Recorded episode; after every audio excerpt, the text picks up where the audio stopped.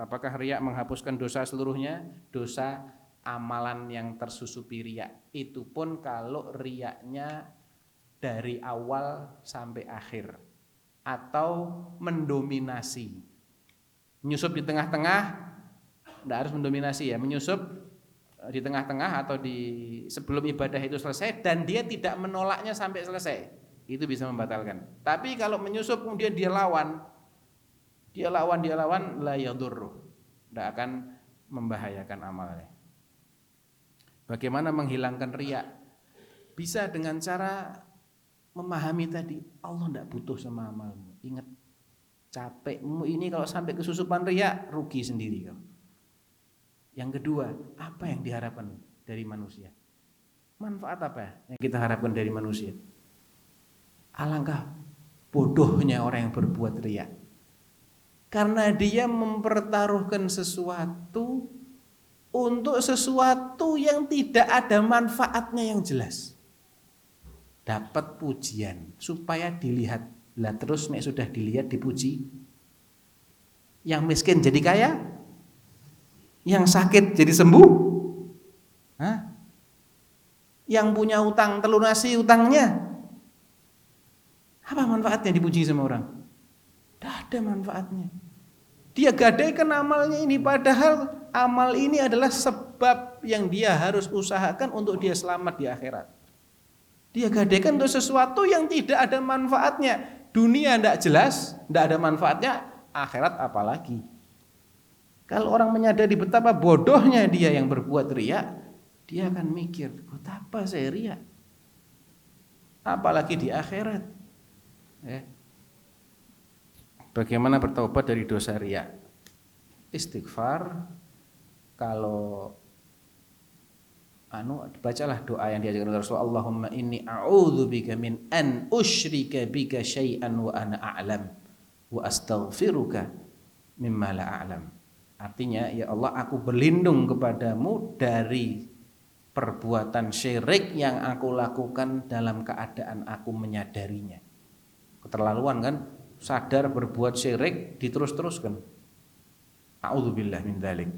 Aku berlindung kepadamu dari perbuatan seperti itu. Wa astaghfiruka mimma dan aku minta ampun kalau aku terjerumus dalam perbuatan syirik tapi aku nggak sadar. Apa ada? Banyak. Contoh, kebiasaan selfie ketika ibadah. Apa tujuannya selfie? Ayo. Selfie tujuannya apa? Ya biar dilihat. Kan gitu. Dilihat oleh Allah. Tidak butuh antum foto-fotoan Allah sudah ngeliat. Yang butuh foto siapa? Manusia. Nah, jadi hati-hati dengan kebiasaan-kebiasaan. Orang nggak sadar kalau selfie itu bagian yang tak terpisahkan dari ria. Ya. Hati-hati.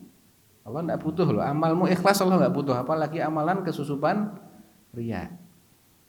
Hindari yang begitu-begitu. Sembunyikan amalan kita selagi kita mampu menyembunyikannya tanpa mengurangi pahala.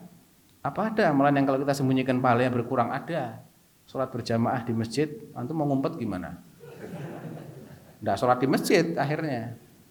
Nah, kalau itu tidak boleh alasannya, wah saya tidak mau ke masjid nanti riak. Ya. Itu orang munafik. Orang munafik gitu. Munafik aja pasti ke masjid dulu.